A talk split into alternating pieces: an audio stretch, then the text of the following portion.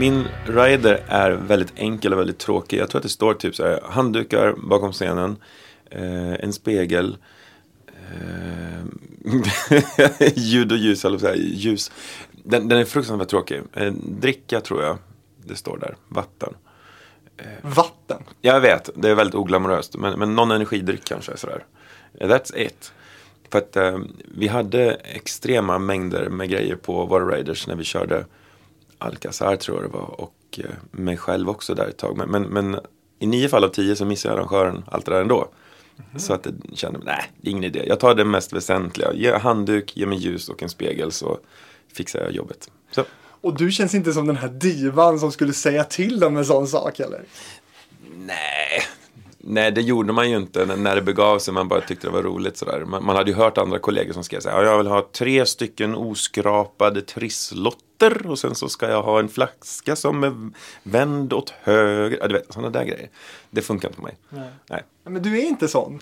Nej, jag har aldrig varit och jag kommer väl aldrig bli. Vi försökte där en kvart men det gick inte. Så att nej. Vad var det för kvart? Nej men det var ju då. Okay, ja. När det begav sig. Ja.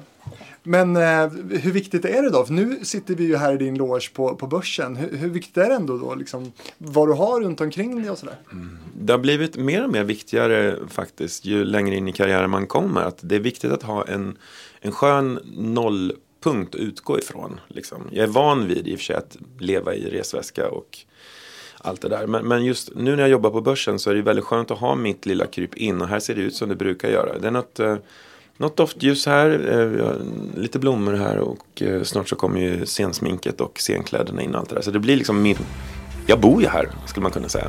Jag är inte hemma. Och din loge här då, det är ju någon slags, eh, ja är det fyra gånger två meter och eh, speglar, någon liten kyl och handsprit. Mm, precis, och handsprit. Japp, så är det.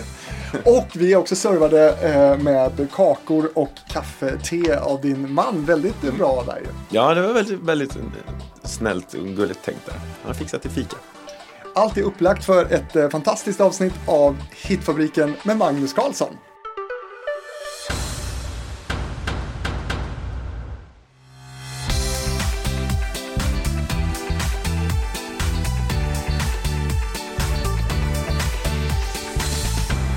Barbados-Magnus, alltså är det liksom epitetet borttvättat nu skulle du säga? Nej, det är fortfarande kvar. Det beror på vem man frågar. Eh, folk kan kalla mig eh, Barbados-Magnus, Alcazar-Magnus, Gamla stan-Magnus säger de också. Eh, och Magnus Karlsson. Alltså det är precis vem, vem du frågar. Men Barbados-Magnus sitter ju kvar. Mm. Ja, är de lite på lyset så blir det Bermudas-Magnus ibland också. Men det får man, köpa. det får man köpa. Vad föredrar du då? Alltså jag lyssnar ju på alla de där, det är det som är det galna. Men, men eh, Magnus funkar. Mm. Följer du Barbados någonting eller har du liksom klippt där helt? Det, du menar det Barbados som finns idag? Mm. Det man ska komma ihåg med det gänget är ju att det är inte det bandet som jag turnerar med. Utan jag var ju den första att hoppa av själva original Barbados. Sen har det ju trillat av folk längs vägen och de folken var ju mina arbetskollegor. Så nu när jag tittar tillbaka på nuvarande Barbados så är det ett band som kallar sig för Barbados och heter Barbados. Men det är ju inte mitt Barbados. Så det, det, är en ny version av Barbados som jag inte har någon relation till riktigt sådär jättemycket. Men jag följer dem absolut. Jag kollar ju sociala medier och håller lite pejl så. Mm. Men, men det är ett annat band nu. Men är det inte någon kvar? Det är två stycken kvar. Ja. Två originalerna. Mm. Så det är de jag har liksom connections ja. med kanske. Mm. Vem är sångare i Barbados nu? Eh, nu har de en kille som heter Björn va? Ja, ja. rätt. Jag ville bara kolla. Ja, jo. ja, men de har bytt några gånger men inte så fruktansvärt många gånger ändå. Jag var väl nummer ett och nu är de inne på nummer fyra eller fem tror jag. Mm. Sådär. Men det har gått ett tag. Mm. Så, mm. Ja, du, det har gått ett tag kan man säga. Och det här blir ju ett intressant avsnitt på så sätt att eh, du just nu är aktuell med en show här på Börsen som ju också går igenom väldigt mycket av, av eh, din karriär och, och dina hits kan man säga. Och det ska vi göra nu också. Men mm. om, när du har reflekterat tillbaka då, liksom inför den här showen om inte annat på, på din karriär, vad, hur skulle du beskriva liksom, vad du har haft för karriär? Min karriär är ju eh, väldigt rolig och väldigt brokig. Alltså den, den, innehåller så extrema mängder olika genrer, låtar, språk, eh, uttryck, allt det där. Så att försöka koka ner det här till en show då var ett lyxproblem, men jag hade för mycket låtar och för mycket olika grejer. Så jag var tvungen att liksom mejsla ut, vad ska det här bli för någonting? Vilka låtar rök? Eh, oj, det är många. Det är många. Um, Kommer du ihåg någon? Ja, alltså det är många från Barbados-eran som har fått stryka på foten. Happy People, Blå Horisont. Oh. De låtarna som, som var singlar och som slog men som liksom inte får plats. Mm. Alcazar likadant. Och eh, mina egna Ja, det, det, var låtar. Alltså, nu sitter jag med en show på två timmar ändå. Så jag kunde liksom inte plocka in dem. Jag börjar köpslå kanske om vi kunde göra medleys eller någonting för att få in ännu fler. Men, men eh, nej, någonstans måste jag sätta punkt. Men Rosalita är kvar? Rosalita är alltid kvar. Hon kommer att hänga på. vi har pimpat till henne lite med lite latinodans och lite grejer. Mm. Och Belinda? Belinda är med. Mm. Absolut. Ja. Eh, första minnet jag har av dig ändå, det måste ändå vara kring det här med Barbados. Så jag tänker att vi måste börja där ändå, som ju blev ditt stora genombrott för de flesta. Eh, men också tänker jag kanske en stor begränsning för dig. Det kändes som att du liksom växte dig ur den där turnébussen. Kan man säga så? Det stämmer nog ganska bra. Ehm, ett dansbandsliv, i alla fall då när vi, när vi började, var ju ehm, väldigt slitsamt och väldigt eh, hårda nätter. Man spelade fyra timmar per kväll till exempel. Eh, massvis med låtar, ungefär mellan 50 och 60 låtar betar man av. Och som artist då, att stå i mitten där och både ha artistdrömmar men också ambitionen att utvecklas och göra någonting mer var ju lite tufft. Jag menar en dansbandsscen, där kan du ta ett steg åt höger, ett steg åt vänster, that's it. Och du ska vara glad om alla lamporna runt omkring dig fungerar. Det är så, rent konkret, som det, det, den världen såg ut. Mm. Men jag, hade, jag ville göra så mycket mer. Mm. Så att för min del så levde jag ju ut, som du säger, jag, jag växte väl ur turnébussen och fick leva ut ordentligt när Alcazar-eran sen då kom lite senare. Men finns det inte två olika sätt att göra det här dansbandslivet? Jag menar det finns ju de dansband som verkligen som du säger kämpar och konkar runt och bär och sådär. Mm. Men så finns det ju de som åker flygplan och har folk som mm. riggar upp och sådär. Men, men, kom ni liksom aldrig dit eller valde ni bort det eller förstår du vad jag menar? Nej vi, nej, vi hade ju båda världarna. Det var det som var så bra. Vi fick ju, när vi startade hade vi våra hundår, skulle jag säga vi var aldrig intresserade riktigt av att följa eh, strömlinjen ändå, just i den genren. Så vi var ju ganska kaxiga och eh, satte oss emot lite saker och ting. Men vi bar ju våra, våra PA, vi, vi drog våra kablar, vi körde våra mil i bilen. Allt det där, allt det där har man liksom gjort.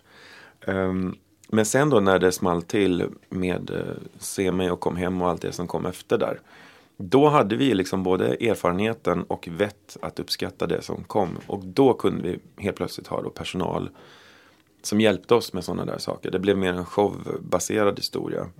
Mm. Men det var faktiskt väldigt skönt att ha båda de två ingångarna i den branschen. Jag hade hundåren men jag hade också de flärdfulla åren. Mm. Du blev ju en otroligt liksom, stark förgrundsfigur i eh, Barbados. H hur togs det liksom emot i, i, i, gänget skulle du säga där? Mm. Fanns det avundsjuka? Uh, det, det, vet jag inte riktigt. Nej, det tror jag väl kanske inte att det var så. Jag, jag tror mer faktiskt att det var tvärtom. Att de tyckte det var ganska skönt att det var någon som tog det här media drevet som var. För jag menar vad sjuttsingen, gick jag till frisören och klippte mig då fick jag en rubrik på det. Eh, drog jag på mig några, några, ny, du vet, några nya byxor eller någonting, ja då blev det rubriker på det. Se ut som Magnus, du vet allt det där. Jag, tyck, jag tror de tyckte det var ganska skönt.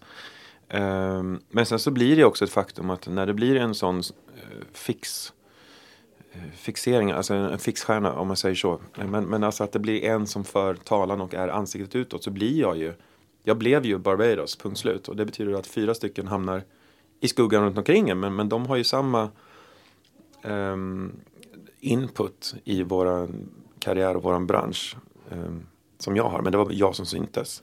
Så att om det fanns avundsjuka, who knows, det vet jag inte. Men, men um, jag drog det tunga drevet, det gjorde Ni revolutionerade ju dansbandsvärlden också lite med att, ja nästan skulle man kunna kalla det, inte spela dansband varje dag Sitta här och deppa ja Det här är väl inte dansband? Mm.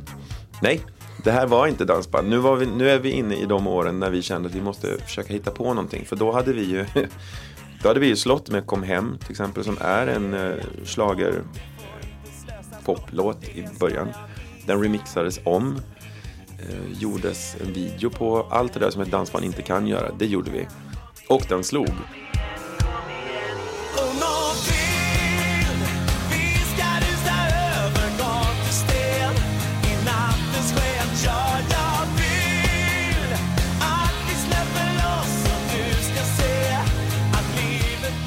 Den låg ju liksom på Svensktoppen, på Tracks, på försäljningslistan och spelades på ZTV-videon samtidigt, vilket var extremt konstigt och knäppt, men roligt. Så att när vi skulle följa upp det här, då, då följde vi de stegen. Liksom, att ja, men vi måste ju göra låtar som kan slå från båda hållen. Unge Vild är en av de satsningar vi gjorde som var hysteriskt roligt bara för att den låter ju så odansbandig. Det går inte att dansa till den om, om du tjatar på, på en danspublik så kan de kanske dansa foxtrot till den. Men, men det är un, under hot, skulle jag kunna tänka mig. Men hur togs den här vändningen emot av dansbandsvärlden? För det är ju väldigt liksom, strikta regler och hur man ska låta och vara så. Varannan damernas eh, reglerna. Ja. Alltså, eh, ja, det finns ju många regler. det är en av dem. Ja. Eh, den, den togs emot eh, både positivt och negativt. För det som hände när vi slog var att vi drog ju med en yngre publik ut till svenska folkparkerna och till de dansställena. Och den publiken var ju kanske i första hand inte så intresserad av att köra bugg och foxtrot. De var ju där för att partaja och träffa, träffa varandra och ha kul. Så vi drog dit partypubliken då som plötsligt skulle eh, trängas med vår danspublik på dansbanorna. Så att vår publik såg ju väldigt eh, kluven ut. Alltså den första, första halvan av dansgolvet brukade vara folk som stod upp och hoppade och skrek och tjoade och partajade. Och bakom den så skuffade vår danspublik runt. Och det är klart att det var krockar lite bra. Det var nog många armbågar här och var när folk tog ut svängarna för mycket. Ja, hur samsades de här grupperna egentligen? Nej, det, det tror jag inte de gjorde. Det, det var ju det som var problemet. Så att, vi så att det, det, var en kluven situation måste jag säga. Det, var väldigt speciellt. Men, men kul. Men vi, vi fick ju ut unga och faktum är att har vi förstått att vi det var ju många i vår yngre publik också som vart nyfikna på den där. Vad är styrdans för något? Vad är, vad är det för någonting? Som kanske till och med gick och lärde sig dansa efter det. Who knows? Har folkparkerna tackat er tillräckligt för det här? vi, vi, har fått några utmärkelser sådär av, av att vi för generationen framåt. Det har vi. Ja. Mm. Men vi, vi, ska snacka om Kom Hem också naturligtvis. Eh, som släpps eh, år 2000 och som inte tävlade i Melodifestivalen. Det är många som tror va? Det är väldigt många som tror att den var med i Melodifestivalen. Och, eh, men grejen var så här att den var ju skriven och fixad inför den alternativa så att säga, dansbandsmelodifestivalen. Dansbandslåten hette den va? Exakt, precis. Den är det. Men det är alltså rent konkret en melodifestival för dansband då, som tv-sändes. Och eh, den gick i hand i hand med, nu ska jag ärligt talat säga att jag minns inte vilken som kom först, Kom hem eller se mig. Men de två låtarna går hand i hand. Det är 2000 vi snackar om. Du gav mig löften Du gav mig svek Du gav mig kärlek Men jag var vek Och eh, Kom hem slog ju hårt då. Men eh, många tror att det är en mellolåt. Mm. Men de, de har aldrig tänkt för Melodifestivalen? Nej, det tror jag inte. Nej, nej den var direkt skriven för, för oss och mig där under dansbands Mello. kan du säga någonting om vad den kommer att betyda den här låten? För, för er och för dig?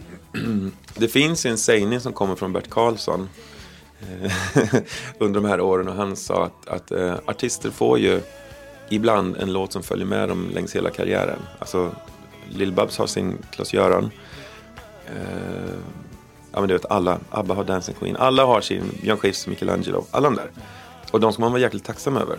Man kanske inte är kompis med låtarna varenda gång eller tycker att de är världens roligaste att göra, men man har dem. Och du kan egentligen luta en hel karriär mot dem. Så att eh, han sa att här har, jag, här har jag din låt. Och jag lyssnade på Kom hem och det är klart att som sjuttsing att, att eh, jag tände till och ville ha den. Det var inte det. Men när man liksom, okej, okay, men, men menar du att jag ska köra den här tills jag blir gammal? Ja, ja, ja, du, kan bli, du kommer bli pensionär med den här låten. Fan. Okej, okay, jag, gör jag gör som du säger, vi, vi, vi kör på det. Men nu sitter jag här, alltså typ 22-25 år senare och kör Kom hem varje spelning. Och det som är knäppt är att jag, jag har ju fortfarande lika kul med den. Jag tröttnar aldrig på den låten. Kom hem, vi börjar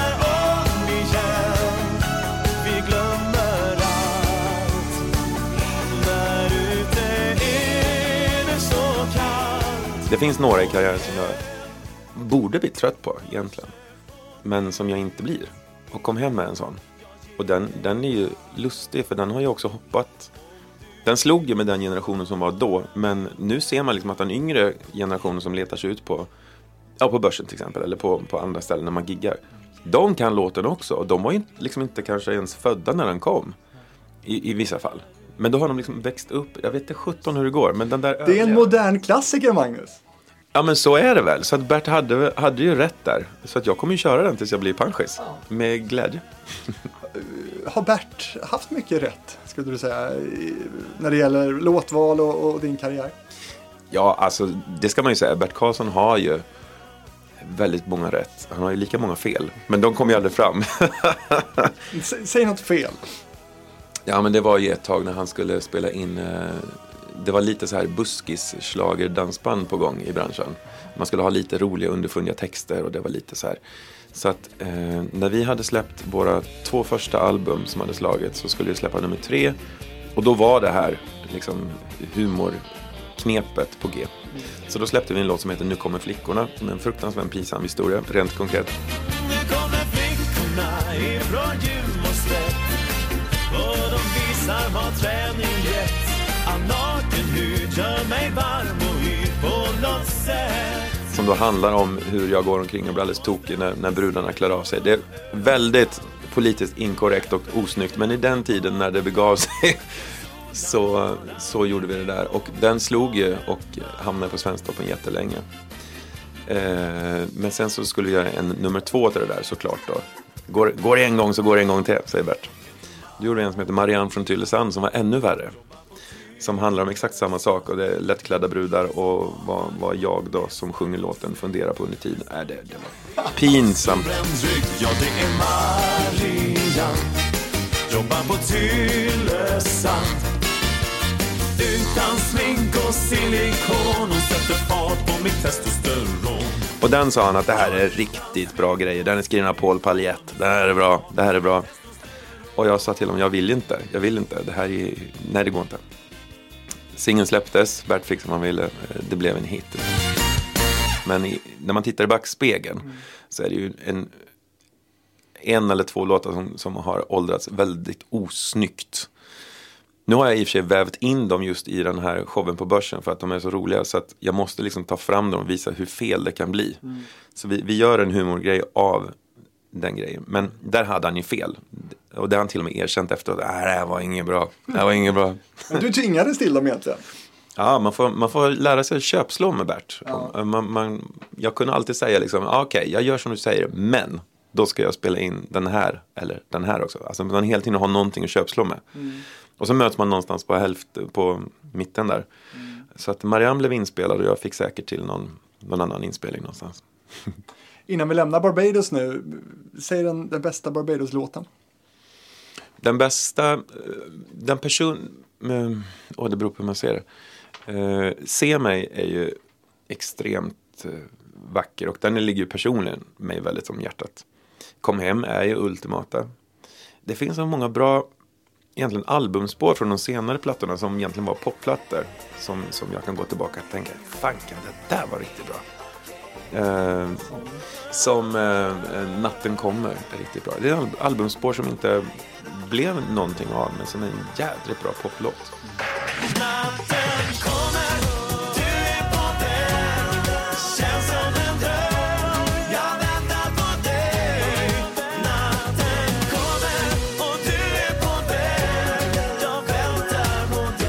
Men det obvious, alltså logiska svaren är Se mig och kom hem. Du har blivit otroligt eh, förknippad med ett eh, sång och dans och lek och tävlingsprogram i tv som heter Melodifestivalen och du har varit med där en hel del och eh, vi har inte riktigt tid att gå igenom alla låtar. Jo, det har vi. Vi ska gå igenom alla dina låtar i Melodifestivalen tänker jag. I alla fall eh, briefly. Så får vi höra lite här vad, vad du har att säga eh, om hur de hamnade där och vad du tycker om dem idag tänker jag. Eh, 2000 Se mig eh, kommer på andra plats. Eh, och jag gissar ju att Melodifestivalen, det, det var ju någon slags liksom, milstolpe för dig.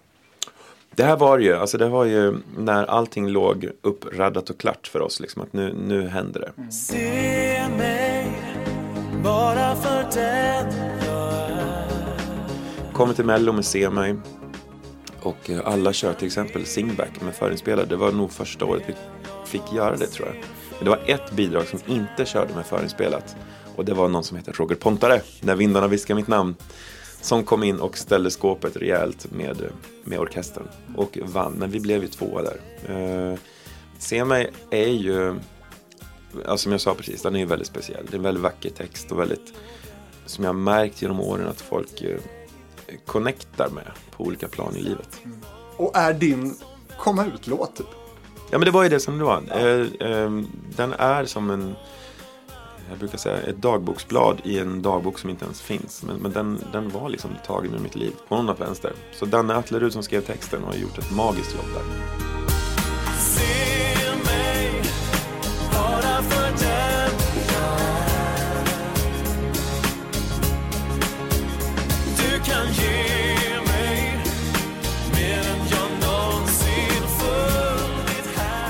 När, när du ser dig själv på scenen där framför den där, vad, vad, vad tänker du då? Nu är han nervös, den lille killen. Vi var ju uppfixade till tänderna och kläderna satt rätt och frisyren låg fint på allt det där. Men det här var ju året när alla de här giganterna var med och gjorde pausnumret. Så i korridorerna så sprang då alltifrån då Carola till Körberg, Lena Philipsson, Lasse Holm, Arja. Alla de här giganternas giganter var där. Och så skulle vi då under tiden då nykomlingarna från Göteborg tävla. Vi var ju skitnervösa. Så att just när jag ser numret så hör jag ju på min röst när jag sjunger att det är lite lilleskutt darr här och var. Men det är ju nerverna. Men det, får man väl ta? Det ska vara så. Ja. Ja, det vore konstigt annars. Och en andra plats, det är ju en snygg debut. Det var en väldigt snygg debut måste jag säga. Vi, vi var väldigt glada var vi och eh, lättare att det gick så bra. Men man visste ju inte vilken väg låten skulle ta. Det är ju en ballad och mellovärlden tycker väldigt mycket om upp och studsa musik. Så att hur skulle en ballad tas emot? Men det gjorde den. Hur var tanken där? Var, var det väldigt liksom planerat från din sida att, att, att eh, du skulle så att säga, komma ut och göra en grej av det här och att den här låten skulle vara den där låten? Alltså hur, hur, hur eh, planerat var det här? Liksom? Hur, såg, hur, hur var liksom planen? Den här kom ju från vår fjärde eller femte platta vilket då betyder att jag hade liksom legat och pyrt i branschen ett bra tag och det blev ju mer och mer media runt omkring mig och runt omkring bandet överhuvudtaget. Men, men just i den där se mig brytpunkten som jag kallar det så var det så pass mycket. Och jag såg ju och jag visste ju att alla reportrar bara väntade på att jag skulle berätta om vem min nya lilla Rosalita var. Eller vem, vem du vet, ville ha detaljer. Och det räckte ju egentligen med att någon skulle se mig på något ställe någonstans i Göteborg eller någonstans. Att någon skulle börja connecta. Magnus på Gretas, stor Ja. rubrik. Ja men du vet, ju- just då skulle det nog blivit, kunna blivit stort konstig rubrik. Liksom. Oj oj oj vad händer? Men nu är det ingen som bryr sig. Men, men eh, det, då, det var så mycket då så då sa jag nej men det här går inte längre. Jag måste köra. Jag måste vara jag annars vill jag inte vara med längre. För här, jag kan inte hålla uppe det här längre. Det går inte. Men vad kom först, låten eller det beslutet? Eh, nu när jag går tillbaka och går igenom allt det här så ser jag ju att det var ju Mello som kom först. För att när, ehm, när löpsedlarna sen kom, eh, Magnus Carlsson kolon, jag är gay. Då är det en bild från Mello. Så att Mello kom ju bevisligen först. Ehm, jag har väldigt svårt att sätta det här i en tidsram märker jag ef- efteråt när jag tittar. Jag vet inte vad som kom. För att Det är mer än 20 år sedan så. Ja men det också, men sen var det också en, eh, man levde liksom i en slags eh, torktumlare. Man bara kastades runt och vad kom först och vilken låt var på G och vilken, det är allt det där är jättesvårt. Men, men just Se mig var först och sen så blev den då eh, ledtemat i hela min komma ut-process. Liksom. Se mig bara för den jag är. Det är ju perfekt. Allt som jag ser är allt jag vill ha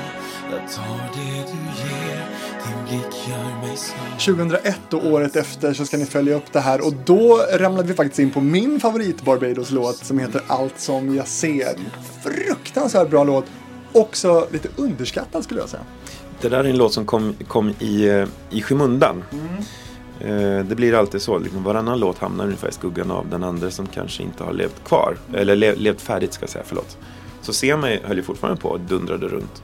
Men allt som jag ser, eh, jag ska dra det snabbt, den, den finns inspelad i olika versioner med olika artister. Med Carola bland annat. Carola finns, eh, det finns med Nina från Friends. Och den här låten, plus då alla de här demorösterna. Den här låten hade Bert Karlsson upptejpad på en CD-skiva som hängde på hans lampa ovanför hans kontor. Jag hade sett den här skivan i flera år. Flera år snackar vi. Och alltid varit på honom. Nu ger du mig den där låten, jag blir tokig. Nej, ska vara melodi. Du vet, jag, han hade planer för den här. Här vill jag stanna för allt som jag ser är allt jag vill ha. Jag tar det du ger, din blick gör mig svag. Ja, allt som jag ser så nära med dig är läppar som ber, kom älska med mig. Och sen till slut så när vi hade breakat med Se mig så vet jag inte hur det gick till. Men, men jag vet i alla fall att jag sa nu, nu, nu får du skärpa dig. Ge mig låten. Nu, det här är ju perfekt. Jag, vill, jag hörde liksom mig själv kunna göra den där. Och till slut så, så plockade han ner sin CD-skiva och så fick jag då låten. Och då hamnade vi i Mello med allt som jag ser. Och det är faktiskt en av mina favoritbidrag. Som du säger, den, den är lite... Den hamnar i skuggan av Se mig, ja. Men det är ju fortfarande en silverplakett på den, så den, vi blev ju tvåa. Eh, Jag gör, Tvåa för andra året i rad i ett ganska mediokert start, startfält 2001 ändå. jag minns inte så mycket vilka var med. Fr- Friends vann ju, vi blev tvåa. Eh, sen minns inte jag så många mer. Nej. Du ser. Väldigt mediokert. Du minns inte ens. Popson. Nej. Popson? Nej. Nej, kommer du inte ens ihåg. Och du kommer kanske inte ihåg, eh, eh, vad hette hon? Jönis. Ja! Jo, jo, jo, jo, jo. Nu, vänta lite, nu kommer det tillbaka. Ja, ehm, det var ju några sådana här låtar som... Ja, okej, jag hänger med. Jag får hem och leta i lå- Jag har alla de här singlarna, det är det som är så roligt. Ja, självklart har du det. Självklart har man det. Så jag måste ju lyssna igenom, det vore ju lite roligt. Eh, Men som sagt, andra plats igen då. Och sen året efter, 2002, eh, Världen utanför kommer då på fjärde plats. Men, men berätta om Världen utanför. Världen utanför tog vägen om, har jag för mig, till Andra chansen först. Den är ju skriven mer i den genren där vi skulle så att säga hålla oss vid. Allt som jag ser var ganska pompös och stor och eh, proddades ju av One More Time, Peter och Nanne till exempel. Så den är bombastisk, highland liksom. Men Världen utanför återigen är ju en schlagerpop-dänga och skulle så få vara. Så att, eh, jag vet inte vad jag ska berätta om den. Det enda jag minns är ju att vi gjorde en panikomstyling av mig inför när vi till slut hamnade i final. Jag gjorde ju eh, uttagningshitet där med en eh, spikad frisyr. Jag var jättesvart kajal runt ögonen. Och eh, Bert, var, Bert var galen. Han, han tyckte att eh, men, du ser ut som Ola Salo nu. Hur gick det här till? Och själv såg jag ut som Plupp, tyckte jag. Jag såg ut som Plupp. Trollet Plupp. Ehm, men vi gjorde i alla fall det där. Och eh, gick ju då så att säga till slut då, in till final. Men då sa vi, nej men nu måste vi, vi får nog coola ner det här. Så att jag gjorde en radikal om, om eh, designing. Så jag fick en eh, kostym av Lars Wallin. Jättecool i och för sig. Eh, en, en lång lugg eh, frisyrhistoria. Allt det här spikiga håret plattades ner och la sig runt mig. Sminket tonades ner och jag blev lite mer normal igen. Så det är det jag minns. Och jag minns också att texten jag fick en spik i texten i huvudet sekunderna innan jag skulle springa in med låten. Eh, låten börjar i alla fall med att bandet kör låten ute på scenen. Jag står backstage och gör en tre i introt gåendes, så här, Starsit. När introt går igång så kommer jag på mig själv, hur fanken går första raden? Som tur är så hade jag hjärnan med mig där och hade printat texten och hade i bröstfickan. Så mikrosekunderna innan kamerorna går på så står jag febrilt och läser första raden. Och sen bara, ner med den, ut och spring. I finalen. Mm, I finalen. Hur funkar ens hjärna när det kommer till sådana här saker? Med en låt som du har sjungit hundratals gånger säkert. Ja, ja, ja. Alltså det, det, den, ibland får den ju liksom en, en, en spik i systemet. Det går inte att komma på den.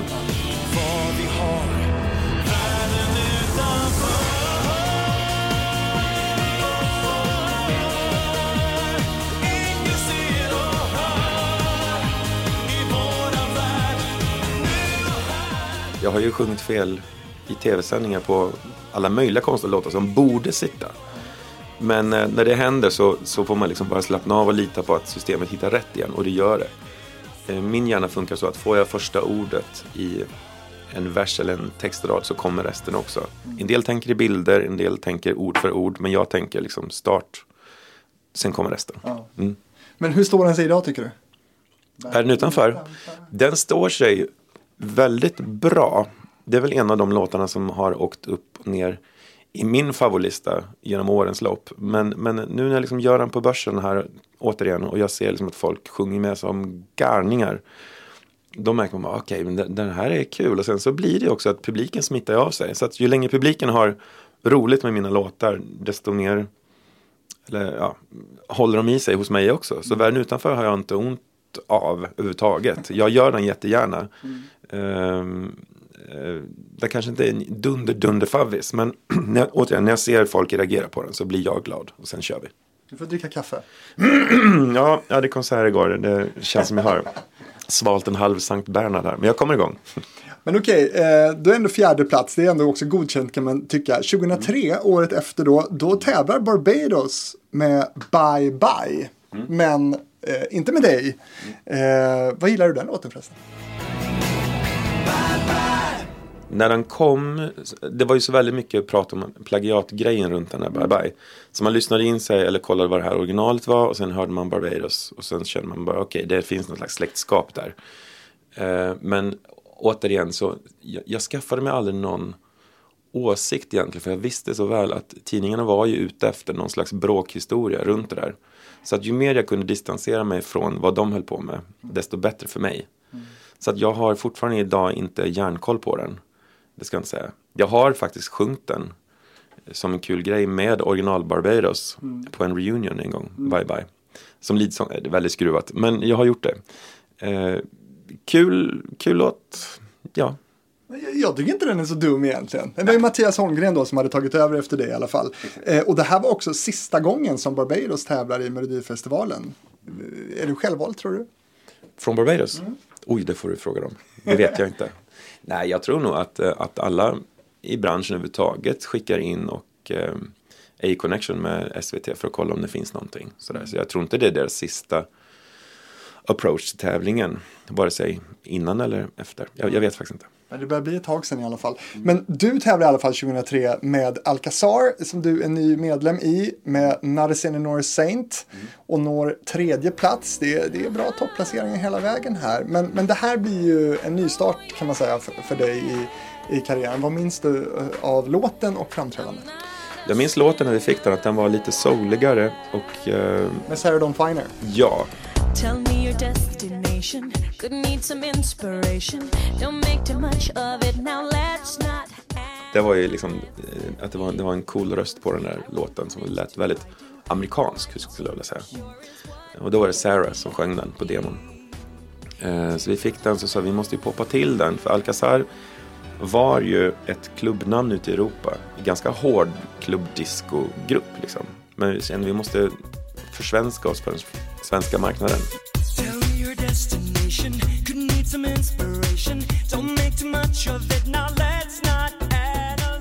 Så vi fick göra någon slags eh, merge genom eh, europeiska klubb Alcazar och eh, ja, egentligen Barbados Magnus går in i gruppen rent konkret.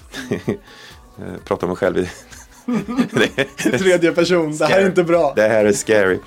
Nej men du fattar, vi ska alltså tussa ihop liksom dansbandsmyllan med eh, discoglittret. Så någonstans längs vägen där så, så tonade då pop, popversionen av Sinner Saint upp sig. Och då kände vi, ja det här är kul. Sen lades det på lite banjos och lite knäppa grejer som vi sa, vi måste ha någonting som folk reagerar på. Man kan inte ha en banjo i en, i en discolåt. Ja men det gör vi, det gör vi. Så det minns jag. Jag minns ju mer omstöpningen av mig som artist och inför det här. att Det var ju plötsligt hårda repetitioner. Det var ju koreografier som skulle in. Det var jag inte van vid. Eh, Det var en hel platta som skulle spelas in med en massa fantastiska låtskrivare. Pet Shop Boys hade låtar. Det var, det var så mycket. Det blev en stor cirkus. Som jag... Ja, det var, det var en ny värld. Mm. Hur passar du in där då, skulle du säga? Nu med liksom facit i hand. Ja, men det var ju då jag eh, kom hem. ja, man får citera sig själv. Nej, men det, det, var då, det var då jag kände att ja, men det, är här, det är det här jag har liksom velat hela vägen. Det är det här. Så här jag vill låta det, så här jag vill se ut så här jag vill vara.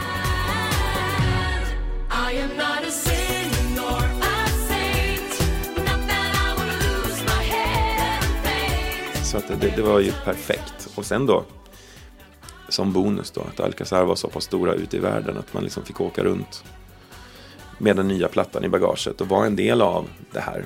Det var, det var ju magiskt. För plötsligt blir du liksom en internationell eh, stjärna här. Dröm ju. Jo men det är det, det är ett faktum. Alltså, det, det, det kommer ju folk springande på gatorna och vill autografer och sådana saker. Magnus, Magnus! Om man var nere i Tyskland eller Polen eller någonstans där. Det gjorde de. Det var häftigt. Klagar du inte på. Nej, det var skoj. Man blir ju lite sådär svenskt nervös och generad såklart. Men, eh, men eh, det, det, var, det var då vi kände liksom, oj, nu, nu har vi slått här. Händer det fortfarande när du är liksom utomlands? Ja, det är det. Mm. Oh ja. Alltså med alla sociala medier och alla låtar och eh, det är YouTube och alla kanaler högt och lågt. Låtarna lever kvar ute. Så att eh, om jag är i England eller Tyskland eller ja, till och med borta i Asien så, så kommer det ju folk, ja. För då har de hört eller sett någon video någonstans eller du vet, allt det där. Mm. Hur är det? Man kan ju välja två, antingen tycker man att det är skitjobbigt, men jag är av den skolan att jag tycker att det där är det bästa kvittot man kan få som artist. Liksom. Att det betyder att då har man ju nått ut. Så att jag blir otroligt smickrad och glad, det måste jag säga. Det går jättebra med Sinner Nor Saint. Eh, 2003 kommer på tredje plats. Eh, sen så håller ni väl på med massa annat där 2004 gissar jag. Ni, ni är väl ute och turnerar eller någonting. För, för då är du helt plötsligt inte med. Nej, då är jag inte med. Nej. Faktum var att en liten hemlis som, som vi höll på med, jag tror att det var det året, det var att vi, vi var i startgroparna. Ska vi vara med ett år till? Ja, det kanske vi skulle vara. Så det var faktiskt långt gångna planer på att vi skulle köra Tango Tango. Den som Petra Nilsson sen gjorde. Och vi hade ju vilda fantasier, fast vi hookade kanske inte på det allihopa, men att vi skulle köra mer. Om du tänker er Lili och Susie i Mello, alltså det här sombrero och eh, puffiga kjolar-grejen. Okej, okej numret. Ungefär så. Fast kör med spansk, spansk disco liksom. Nu blev inte det av, men den låten var i, den, den snurrade runt oss ett bra tag. Vi testade den aldrig. Men det var ju många som testade den i och för sig. Det var ju allt från, var det Lena PH eller Lotta? Alla möjliga var pillade på den. Andres Estetche också tror jag. Just det, just det. Det fanns massvis med versioner. Vi gjorde aldrig våren. Men den, den snurrade runt. Det här var ett litet Easter egg. Ja, men verkligen. Men, men vad, vad, beror, vad beror det på då? Var, varför blev det inte ändå? Var den inte tillräckligt? Det blev inte tillräckligt mycket Alcazar eller var, varför blev det inte? Jag tror att vi hann inte. För att vi var, då hade vår första gemensamma albumsatsning gått ut i Europa och eh, borta i Japan och allt det där. Och eh, vi var, vi var mer inne på att promota singlarna ifrån den. Så jag tror att vi hade mer så här Pet Shop Boys-singeln var där, eh, i Europa hade den och den. Vi hann inte. Och vi ska prata mer om Alcazar om en liten stund. Men, eh, och, och, nu- sen kommer det ju mer Alcazar i, i Mello med dig också. 2005, eh, Alcastar, tredje plats också. You can be an afterstar. Alcastar är ju, alltså grejen är så här, jag har inte ont av någon av de åtta bidragen jag har tävlat med. Alcastar var väl kanske en låt som kändes, vi visste inte riktigt vad vi skulle göra. Och Alcastar är ett ord som inte ens finns, så vi fick hitta på det själva, eller det kom ju skrivet till oss. Och vi var ju nervösa, hur ska man följa upp Not a Sinner or Saint?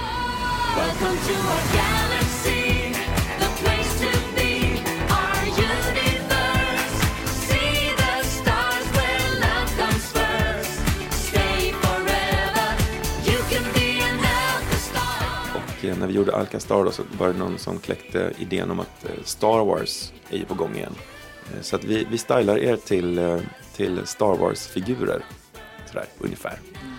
Så det gjorde vi. Och eh, vi såg ju inte kloka ut i, i de första deltävlingarna. Vi hade liksom ryggsköldar på oss. Vi hade, tjejerna var såna här eh, Leia-prinsessor och allt möjligt sånt. Men det var ingen som fattade det. Så de sa, men varför ser ni ut som eh, Teenage Mutant Ninja Turtles allihopa? Ni har liksom så här skal på ryggen. Nej, nej, nej, det är Star Wars. Men vet, det gick inte hem. Så att när vi till slut hamnade i final så ställades vi om och körde vitt och glitter och mer star-approachen. Så att säga. Och då, då funkar det. Men, men låten i sig, för att komma tillbaka till den, den, den är ju den är ju väldigt rolig. Eh, återigen, jag gör den fortfarande. Och eh, jag, har, jag har inte ont av den. Det kanske inte är en av topp, topp, topp fem Alcazar om du frågar mig. Men, men i Mello vart den jätteeffektiv. Var ligger Funky Feet? Funk... Ja, nu är vi inne i ABBA-domänerna och gräver. Alltså, Funky Feet som låt var ett förslag från mig. Eftersom vi hela tiden när vi var ute i Europa fick höra liksom att vi var lill-ABBA. Vi kom från Sverige, fyra stycken i gruppen, två killar, två tjejer och tjejerna var dessutom, den ena var rödhårig, krulligt, den andra hade blont, rakt hår. Så tyskarna vart ju tokiga, de såg ju ABBA i allting. Och ett par. Ja men exakt, ja, all, allting var liksom uppraddat så att vi sa men är det inte lika bra att vi spelar på det då? Och så finns det då en låt som heter Funky Feet för den som inte vet som gick hand i hand i inspelningsstudion med Dancing Queen när de skapade den, Björn och Benny. Funky Feet eh, blev aldrig någon ABBA-låt men den gavs till eh, Sven och Lotta. Och man hör extremt väl att de är besläktade. Eh, Men då sa jag, men kan vi inte plocka fram Funky Feet då? För där får de ju ABBA men ändå inte en ABBA-cover, men ändå. Och så gör vi en grej, vi, vi arrar den precis som ABBA hade gjort den, eller försökte. Och eh, den, den är ju, alltså, ja, den, den är väldigt speciell. Men det var mitt fel, jag, som ABBA-nörd jag är så grävde jag ju upp den där. Eh, Bandet gick på det, producenten gick på det, så spelade vi in den. Och vi får nog eh, återkomma lite till ABBA om en stund också tror jag. Men, men eh, och det här var ju bara en parentes för Funky Feet har ju inget med Mello att göra.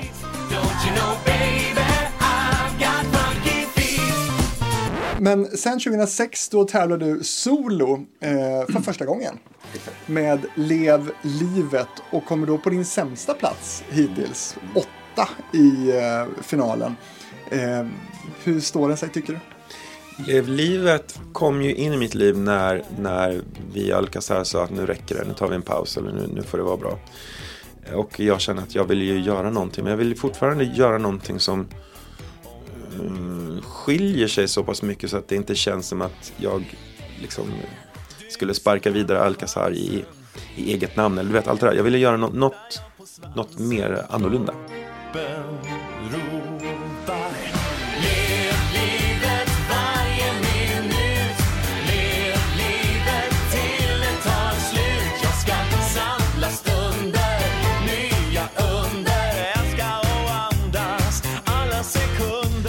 Och då sa mitt skivbolag till mig, men vem vill du jobba med då?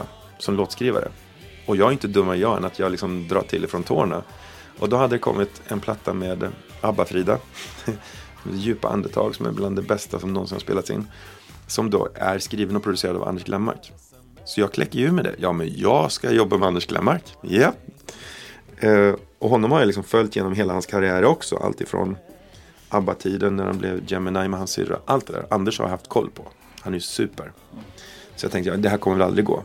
Men vi fick till ett möte och vi klickade och det blev en låt av Anders som då tog hjälp av Strömstedt med texten.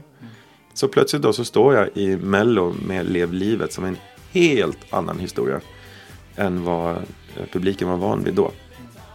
Mm. Och, och den här låten lät ju lite annorlunda från början. Jag har ju fått en demo av dig en gång på hur den lät eh, från början. Vi kan väl lyssna lite på den bara höra för den var lite molligare.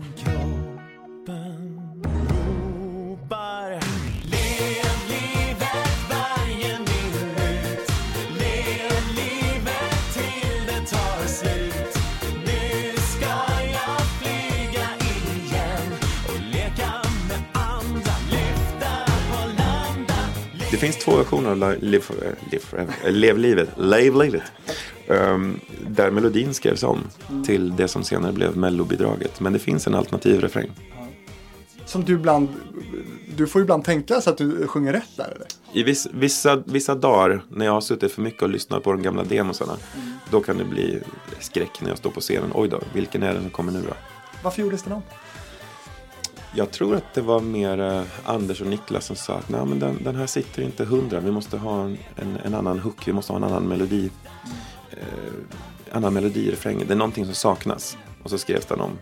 Och jag personligen gillar ju faktiskt den, eh, den första versionen bättre. Den gillar jag. Så demon är bättre.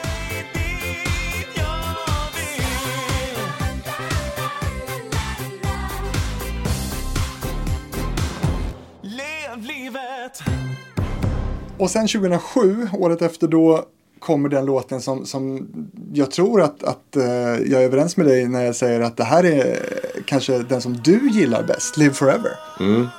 Den, var, den var bra. Den var otroligt bra när den kom. Och det var ju samma sak där. Då hade inte jag jobbat med Bert Karlsson på ett bra tag. Uh, Alcazar-åren och uh, Lev livet-åren. och där.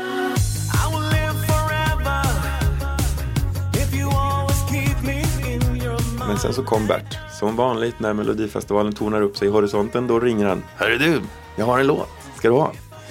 Och då spelar han upp Live Forever. Och den var ju skriven perfekt för min röst. Eftersom jag har en bröströst som jag jobbar med. Men sen har jag även en, en falsett på några oktaver ovanför det. Och när då Live Forever kom så hörde jag, jag, jag hörde mig själv sjung, kunna sjunga det där. Så jag kände bara, åh nej. Vem sjöng på demon? Mm, jag tror det är min låtskrivare, eh, Thomas Törnholm, som gjorde demon på den. Eh, men då, då kände jag, men gud, ska jag göra Mello en gång till? Vågar jag? Tre stycken Barbados, två med Alcazar, en egen. Ska jag in i det här en gång till? Och Året efter också. Eh, Ja, exakt, exakt. Så det gick ju väldigt tajt där. Så jag ska jag verkligen våga? Men eh, okej, den var för bra för att släppa. Jag skulle aldrig kunna släppa iväg den till någon annan. Jag skulle ångra mig något så bittert. Så att eh, vi körde Live Forever. Och det som inte får hända, men som hände mig där var att jag vart ju braksjuk.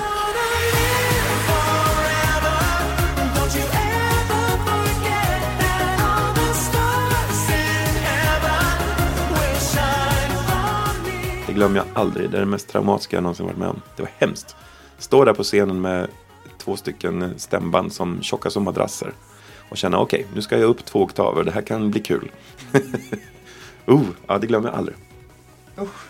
Mm. Det, är, en artists värsta mardröm såklart. Men, men det som händer är ju att, att du för första gången missar final här. Exakt, den åkte ut. Ehm, och det ska, man ju, det ska man faktiskt säga att den här låten är en av de som har levt över och hållit sig allra bäst. Och det går inte en vecka, två veckor utan att det är någon som säger jag begriper inte hur den här åkte ut. Och lika glad blir jag varje gång. Ehm, men, men det som hände med Live Forever var att den, den åkte ju ut ur tävlingen. Men det kom ju en slags sympativåg eller en, en, en boost av det där som hände. Att folk blev så förvånade så de sprang och köpte singeln rent konkret. Så det vart ju, den vart ju guld och platina på stört. Och det var ju ett kvitto för mig liksom att okej, den, den, ni, ni tyckte om den i alla fall. Så jag, jag, blev, jag blev glad där. Det var lite revansch. Det var. Sen går det sju, åtta år innan du ställer dig på Melodifestivalens scen igen. Vad, vad händer under de där åren? Eh, från 2007 och framåt så blir jag mer... ehm, jag, är, en- jag är en sån här artist som, som turnerar hela tiden. Jag, så jag jobbar extremt mycket. Eh, både med julshower, med popshower och med egna plattor som dyker upp och sådär. Blir, blir vuxen längs vägen. Um, skaffar mig, eller blir med skivbolag. Jag blir skivbolagsdirektör längs vägen. Till exempel. Ehm, Skaffa säkert en fem, sex hundar också. Fyra stycken. Bara? ja, bara. Ja, åh herregud. Så att det, det vart fullt ös medvetslös. Men just när det kommer in i melloaspekten där så blev jag jag blev otroligt ledsen när Live Forever fick det ödet den fick. Och det var väl kanske spiken i den där kistan och långa raden av låtar att nej, nu räcker det. Jag vill inte mer. Men såklart så dyker det upp demosar längs vägen som man kanske testar och lyssnar på och känner att hmm, den här. Men så klickar det inte riktigt och då, då kände jag att nej men jag vågar inte. Eh, för att den låt jag skulle dyka upp med skulle ju såklart jämföras med de, de äldre låtarna. Liksom ställas bredvid dem och då måste det hålla. För du skickar ju ändå in låtar under de här åren som, som inte kommer med. Bland annat den här.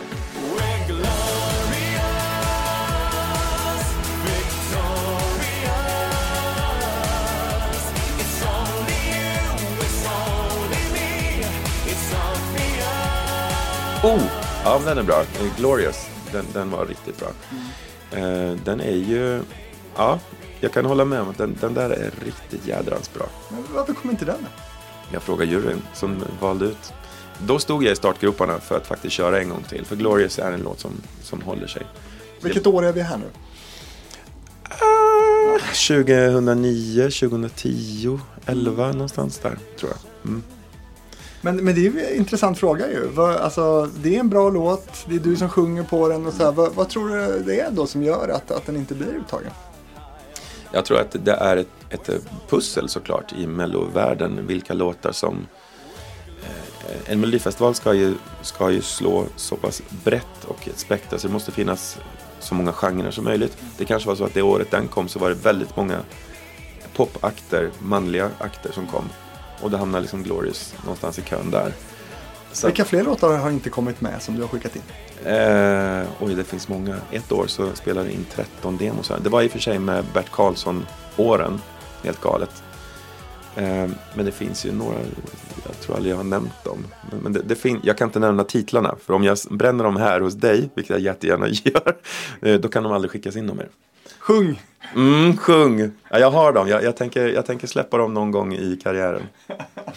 Men är det flera låtar som har, som har tävlat i Melodifestivalen där du har eh, sjungit på demon och så och tackat nej till sen? Inte så att eh, jag har varit väldigt eh, restriktiv med att sjunga på låtar framöver. Från, från Live Forever och framåt var jag väldigt noga med att inte lägga min röst på sånt jag inte tror på. Men jag har blivit erbjuden låtar som har hamnat i Mello, ja. Så kan jag säga, utan att ge för mycket detaljer. Någon detalj kan du ge. Vilka då? Nej. Inte någon. Nej, Ehm, det kan jag inte göra. Nej. Vad, vad är det som är känsligt med det? Nej men så är det, att, alltså, en låt får ju sitt, eh, får ju sitt liv och sin, sin start den sekunden den görs i Mello och hur den skapas längs vägen.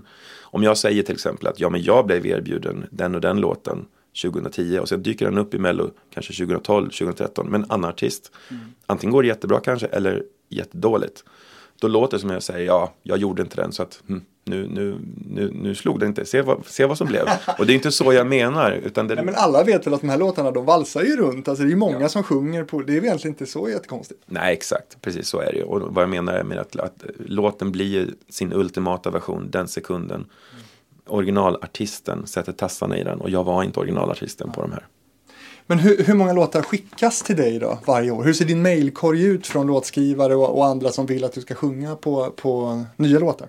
Det är lite olika. Eh, nu har de ju vänt på hela steken så att om man eh, man blir kontaktad av låtskrivare. Så här, ja, men vill, jag har en låt här, vill, vill du sjunga? Och då vet man liksom att då är den specialskriven till mig och sjunger jag på den då ska jag vara beredd.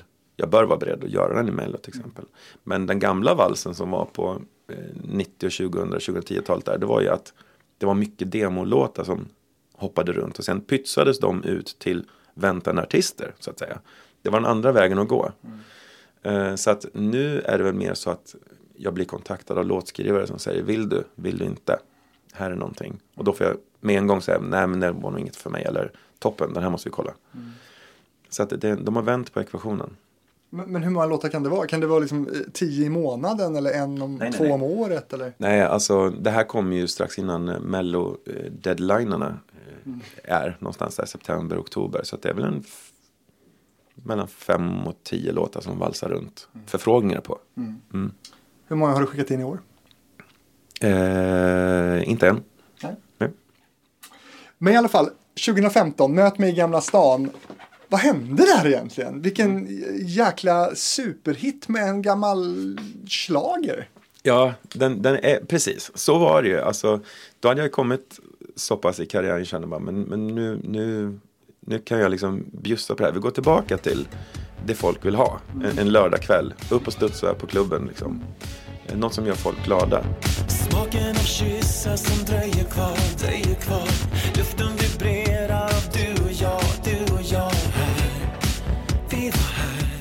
Men jag ville ändå inte att det skulle låta dammigt. Utan eh, jag bad då Gesam, som är en av mina favvislåtskrivare ever. Att eh, skriva någonting. Och han gjorde det. Och han med sitt melodiöra gjorde den här. Och eh, just när den kom till mig så heter den Tvillingsjäl.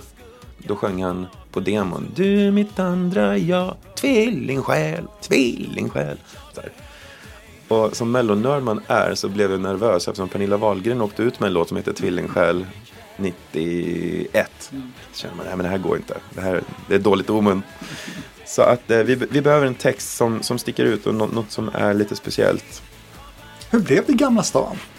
Det får du fråga den fantastiska Lina Eriksson om, som skrev texten.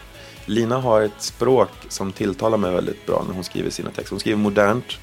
Hon använder lite halvknäppa ord, vilket gör att det fastnar väldigt lätt i hjärnan på folk. Och eh, jag tror att det var någon i teamet som kläckte det här. Vi, vi skulle koppla låten till geografiska platser. Och eh, så satte hon sig på kammaren. Jag tror det så hade det gått till. Och då, då blev det då Gamla stan. Och, eh, så när den texten kom då föll allting på plats och då kände jag okej, nu har det tagit åtta år att få fram den här, men här är den ju. Så att då kör vi. Och det här var 2015, vilket också känns, jag blir lite svindel, alltså det är också länge sedan nu helt plötsligt. Mm, det går fort. Ikväll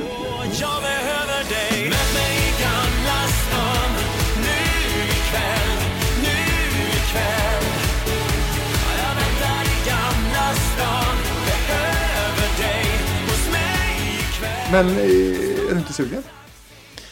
Eh, både ja och nej.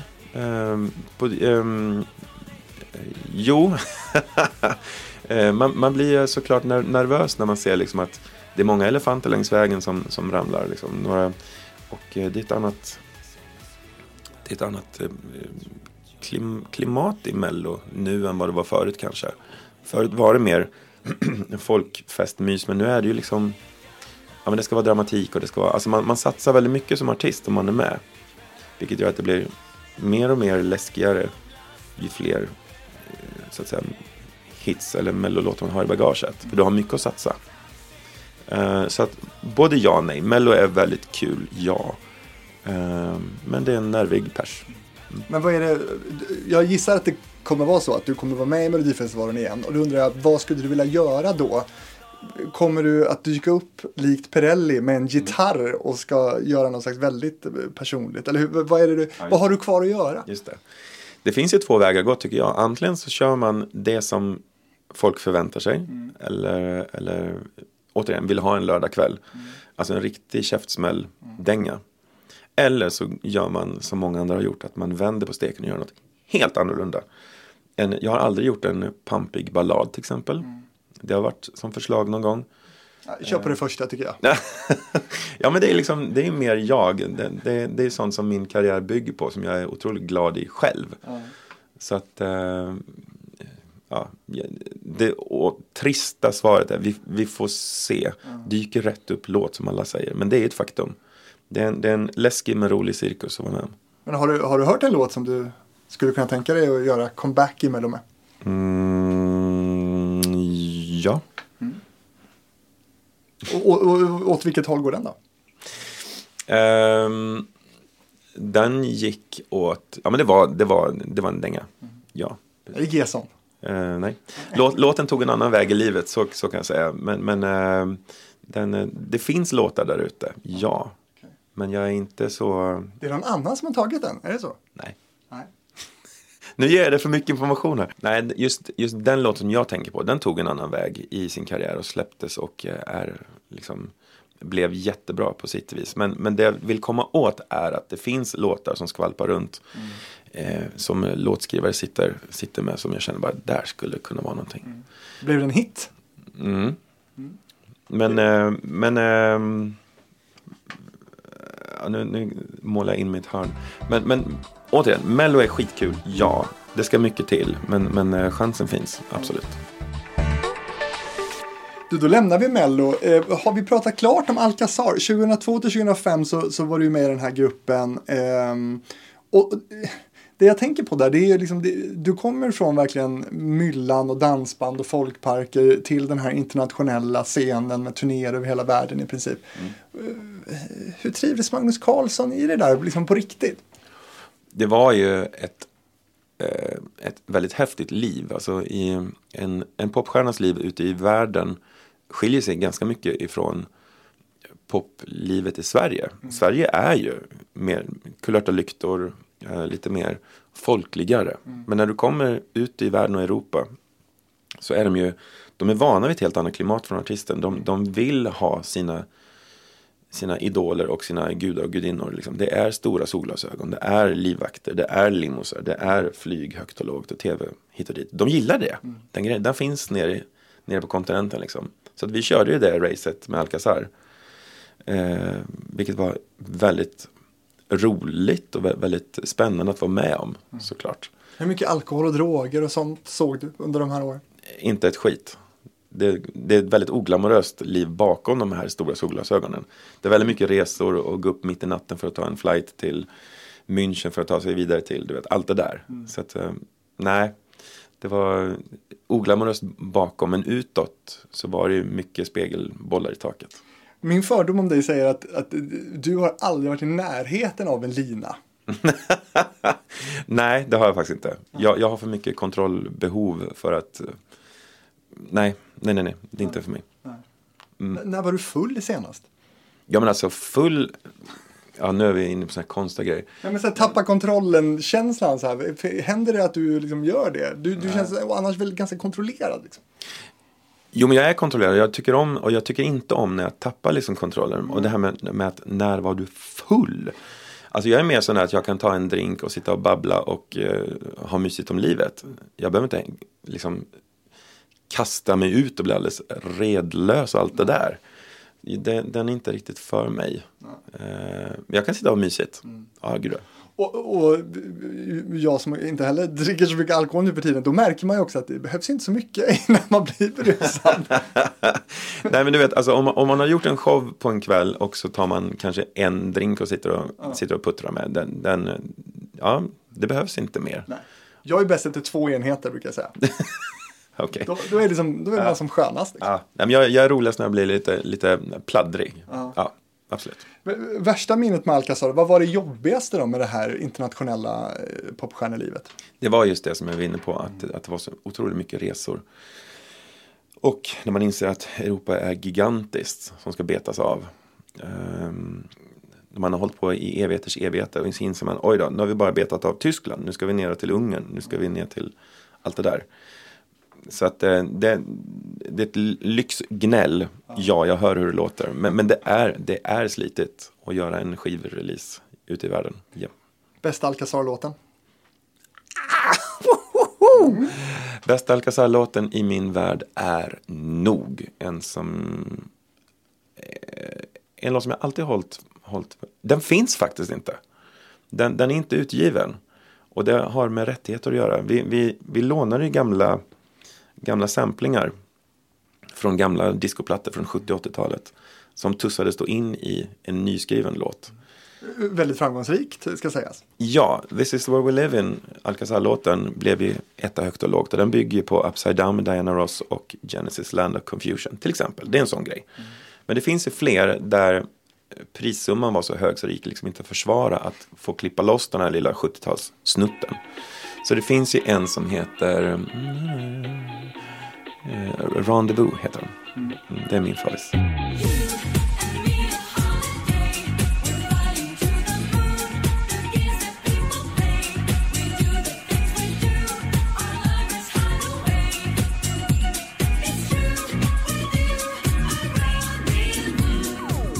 Den, den åker nog runt ute på nätet någonstans tror jag. Men ja, det, det är faktiskt alltid så att, att den, de stora favoriterna det är de man inte har malt sönder i sin hjärna. Så att de, de man liksom träffar på längs vägen men som inte blir någonting.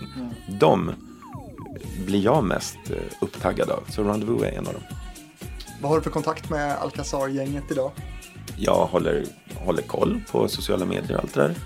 Eh, Lina är väl den som är mest aktiv utåt överhuvudtaget. Sådär. Så att henne såg jag ju, hon var ju här på premiären till exempel på börsen. Sådär. Men ni umgås inte privat, ni sitter inte och äter middagar ihop? Typ. Nej det, nej, det gör vi ju inte såklart. Utan, eh, men det är samma sak som Alcazar som med Barbados. Att det Alcazar som fanns nu, det var ju liksom inte mitt Alcazar. Det här var ju en Alcazar version 3. Varav jag var med i version 2. Men eh, vi gjorde ju en reunion, alla vi fem som har varit med i Alcazar längs vägen, gjorde ju en reunion på, på Pride för några år sedan. Som var väldigt häftigt. Man fick liksom samla, det var det ultimata Alcazaret. Det var, det var kul, det, det var mycket nostalgi för fansen och sådär. Och eh, eh, för oss också.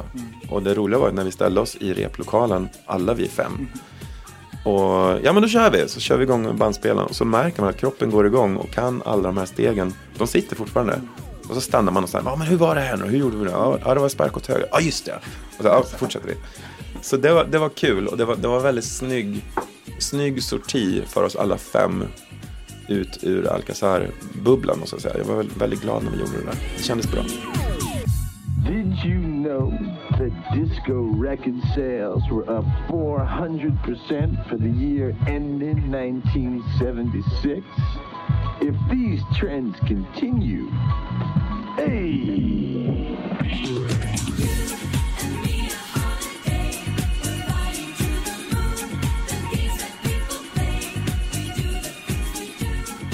Finns Alcazar? Nej, nu är det nog klart va? Är så?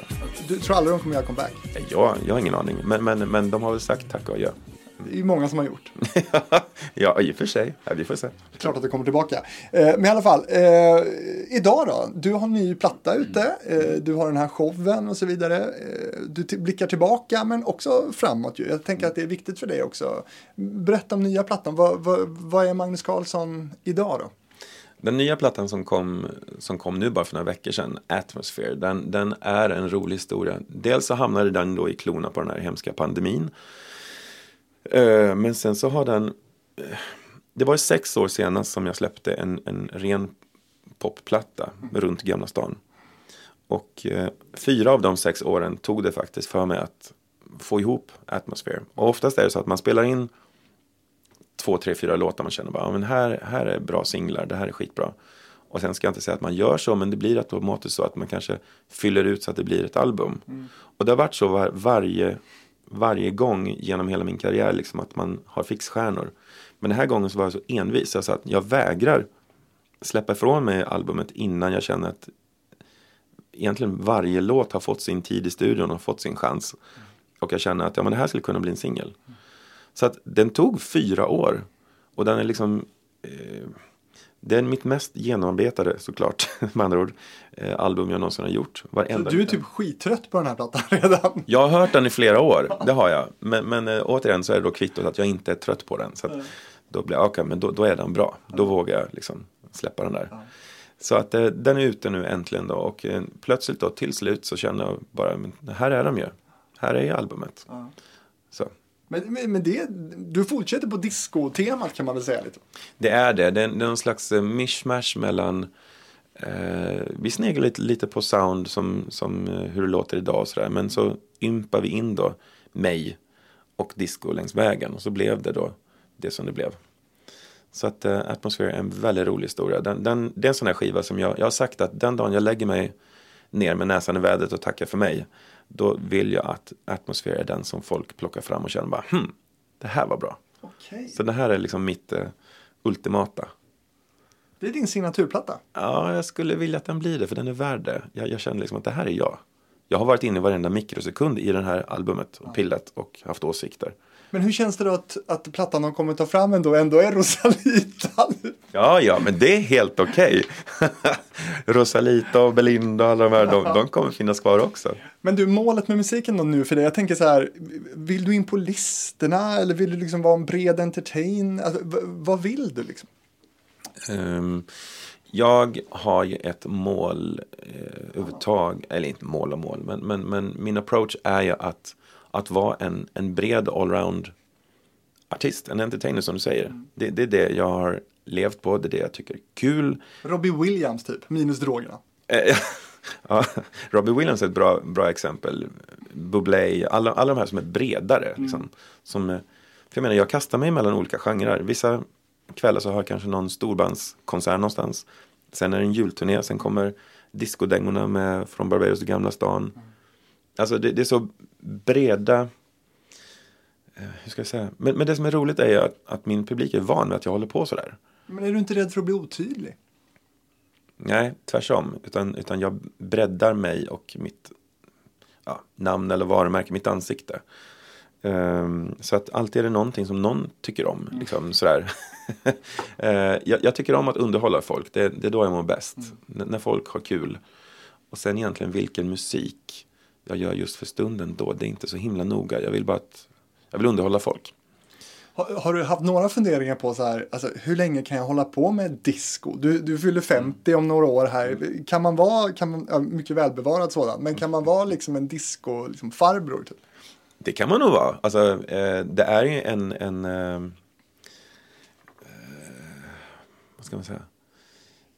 Jo, det kan man göra. Man kan göra det med äran. Man, man, eh, man, kan, man kan bli äldre och man kan köra pop. Alltså, du vet. Ja, men titta bara på alla de här. Ja, men Glenmark, Strömstedt och alla de där. De kör ju sina, sina popdängor, discodängor och kommer med nya också. Med den äran liksom. Och de fixar det. Så det finns ju exempel i historien när det faktiskt går. Så att eh, den, den linjen kör jag på. Så länge jag har kul så lyser det igenom i mina projekt. Och då tror jag att publiken faktiskt hakar på. Och på tal om ålder, jag tänker så här när man går utanför börsen här och ser alla bilder på dig och sådär. Eh, du är ju ett enormt fokus ju. Eh, vad, vad gör det med en? Eh, som, som människa eller vad? vad? Jag tänker, hur fåfäng är du? Ja, nej, jag är otroligt o, ofåfäng. eh, mitt, mitt, i och för sig dumma svar, men mitt sanna svar är att det bästa som finns är efteråt man får tvätta av sig alltihopa och åka hem. Jag trodde du skulle säga det bästa som finns är botox. Typ. Nej, nej. nej, jag menar mer att, att, eh, att när man får ta av sig eh, scen, scen artisten Ja. och åka hem liksom, med håret på ända. Den gillar jag. Men, men jag gillar kontrasten också. Liksom. Och mitt jobb gör ju att man, man är under luppen, absolut. Och vill göra sitt bästa. Kroppsligen och röstligen. Du- Du har ju berättat också i tidigare intervjuer så här om, om din hårtransplantation. Och då tänkte jag så här, eh, så försökte jag komma på någon så här popartist eller artist som, som typ är skallig eller så här som inte har hår. Och det är väldigt svårt att komma på det. Hade du kunnat vara artist utan hår? Det hade jag nog absolut kunnat vara. Eh, det, var nog, det var mer på det personliga planet. Det här får jag ofta frågor om från, från yngre killar och deras mammor faktiskt. Som säger jag måste hjälpa min son, han mår skitdåligt. Eh, han tappar håret och han är jätteung. Och det var ju det som hände mig också. Och det här har jag varit väldigt öppen med så det är inga konstigheter. Men då kände jag liksom, men hur... eh, Jag, jag kände inte igen mig själv och jag höll på att bli någon som jag inte liksom var. Så att säga. Så att då, då hjälpte, då fixade jag till det.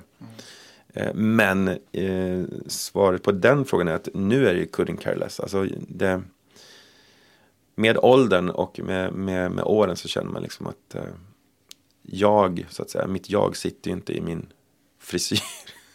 Där har du rubriken. Eh, Nej, men det, det är inte så noga längre, absolut. Men, men just då var det det. Och då, då, då var jag ledsen och behövde få hjälp och då fick jag det.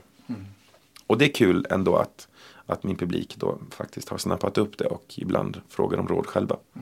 Jag tänker snarare för min egen del att man kanske blir mer fåfäng med åren. Liksom. Mm, ja, jo, det kanske... Man blir mer medveten om, om saker och ting. Och jag kan som artist, jag kan inte sätta in mig precis vad som helst. Jag, jag, vill, jag vill göra bra ifrån mig på scenen. Men också rent fysiskt så är det så att jag har en idiotshow på två timmar där jag dansar hjärtat ur kroppen. Jag kan inte, och jag vill inte, plöja in mig precis vad som helst. Det går inte rent fysiskt. Då, då, det går inte. Så ja, man, man blir fåfäng fel ord. Medveten är rätt ord. Eh, Men har du, har du, hade du kunnat göra andra saker? Alltså hade du kunnat lägga dig under kniven, göra andra skönhetsingrepp och sådana saker? Nej, jag är lite rädd för de där grejerna eh, rent, rent personligen. Så att jag, jag försöker nog eh, tacka ma- mammas gener tror jag. Det är nog där det ligger. Och sen försöka hålla mig ifrån så mycket eh, struntmat längs vägen. Mm, springa på bandet. Jag tränar mycket. Hur mycket? Eh, två gånger i veckan och sen så är det ju promenader och löpband. Shit, ja det gäller att hålla igång. Och som sagt, din show här gör ju att du, att du får en del motion där också. Så är det ju. Jag får ju väldigt mycket gratis här. Ja. Det är ju perfekt. Eh, när ska du till London och se Avatarerna då? Du, det ska jag faktiskt. Jag ska till London i, det blir nästa år, blir det tyvärr. Det krockar i kalendrarna högt och lågt. Jag har bokat juni, när kommer du? Juni nästa år? Ja. Ah, jag kommer strax efter, då får du berätta hur det var. Ja. Eh, det ska bli väldigt roligt att se eh, hur skjutsingen de har fått ihop där. Mm. Förväntningarna skyhöga naturligtvis. Gör de rätt som, som gör den här comebacken? Jag tycker det är en cool twist. Um, just comebackmässigt, nu pratar vi ABBA och då, då, det är ju mina gudar så att säga. Jag är otroligt glad och förväntansfull som, som, som litet fan. Alltså jag har ju lyssnat på ABBA sedan jag var två år gammal. Kan varenda ton fram och tillbaka. Eh, så att, att det nu kommer en, en liksom liten efter, En sladdis är ju någonting som ingen hade räknat med. Men som jag är otroligt tacksam för att de gör. Och sen att de då paketerar det som de såg ut 79 var det väl kanske någonting sånt där säger de. Det beror på vem man frågar. 77, 79 där. Det är ju en häftig grej. Och att de samtidigt då är pionjärer i det de gör. Det är hatten av. Men samtidigt så det finns också risk att man blir besviken. Ja, det skulle det kunna vara om, om vi inte hade landat i att de är så otroligt kvalitetssäkra på sin sak. Björn och Benny och tjejerna hade ju aldrig släppt ifrån sig något. Har de själva sagt och det har man ju förstått. När det till, till slut har sipprat ut saker som de har gjort tidigare i karriären som inte har blivit något, inte släppta eller inte grejer. Då märker man, okej, de gör inte precis vad som helst, de, de har koll. Så att nu när, när det här eh, Voyage kommer så känner man, men vi är safe. Vi kommer bli glada. Vi, det, det är lugnt. De kommer rädda världen igen, jag lovar. Hade du kunnat säga någonting annat tänker jag som stort fan? Ja, det hade jag nog kunnat i och för sig. Men de har ju eh, komprimerat ner allt, allt ABBA. I, alltså, om man tittar på till exempel på Don't Shut Me Down, den nya, en av de nya. Så är det ju en, det är gamla ABBA. Så att de vet ju sitt trademark, de vet vad, hur de ska låta, hur de förväntas att låta. Men har ändå adderat eh, både sin ålder och vishet och eh, moderna soundet. Så att det är lugnt, det är lugnt. Om vi säger så här, du får inte höra av dig två minuter efter midnatt den dagen den släpps. Då sitter jag, sitter jag och myser i ett hörn hemma med hörlurar på. Då är du upptagen. Exakt. Ge oss ändå då till sist här dina tre största ABBA-favoriter. Det vill vi ändå höra. Jag gillar ju det, det äldre ABBA, alltså när de hamnade runt 80, 81, 82 där. Så från Super Trooper och fram så är det liksom, då kan du välja vilken som. Ska jag välja tre stycken fantastiska låtar, då är det ju The Day Before You Came, den sista låten de någonsin spelade in då. Ehm, det är Super Trooper. Eh, det är ju deras Sgt. Pepper, skulle man kunna säga. Och sen Don't Shut Me Down, den nya. Så att ehm, de tre kan du spela jag ska ha dem på min begravning. typ det är det läget. Det är mycket när vi får veta vad som ska hända efter du dör. Men du är kvar ett tag till. Jag lovar att vara kvar ett tag till. Jag lovar och svär. Men där har ni liksom ramarna. Eh, Du till sist vill jag också bara höra, för vissa stora artister så, så finns det de som förvaltar sitt pund väl. Charlotte Perrelli, en kompis till dig, verkar ju vara en sån som har stenkoll på ekonomi och liksom har eh, förvaltat eh, sina, sin egendom, sina pengar väldigt väl och sådär. Eh, du känns som att du influeras lite av det. Du känns som att du har ganska bra koll på ekonomi och sådär. Har, har du åkt på blåsningar också? Absolut blåsningar längs vägen. Ja, ja, ja. ja. Oh, ja. Eh, Rent eh, affärsmässigt så har man ju träffat på några tokstollar längs vägen. Men man lär sig av sina misstag och eh, eh, återigen, det kokas ner till att man har ett team runt sig som man litar på och som man vågar luta sig tillbaka på. Fråga om lov, fråga om råd och allt det där. Så att det betyder ju att ja, det finns ju en affärsbusiness runt mig, men den är väldigt komprimerad och kompakt och eh, det är folk jag litar på. Och du jobbar ju med din man dessutom. Ja, absolut, precis. N- när han inte jobbar med annat eller ledig så, så jobbar han med mina produktioner också. Mm. Men hur bra koll känner du själv att du behöver ha över liksom, ja, men, ditt bolag och din ekonomi och sådana här saker? Jag har järnkoll. Eh, det måste man ha. Man ska inte släppa iväg sitt liv eller sin karriär i händerna på någon annan. Det har jag lärt mig längs vägen. Så att eh, visst, jag lyssnar på andra och allt det där. Men det är jag som skriver under när kvällen kommer. Och det är jag som står för, för det som händer och sker. Så att, eh, nej, jag, jag, har, jag har koll. Är du nöjd då? Och vad omsätter du? Min omsättning? Nej, oh, det är en väldigt osvensk fråga. Eh, jag, har, eh, jag har mina bolag, eh, aktiebolag hit och dit. Jag har ett förlag, jag har ett management, jag har ett skivbolag.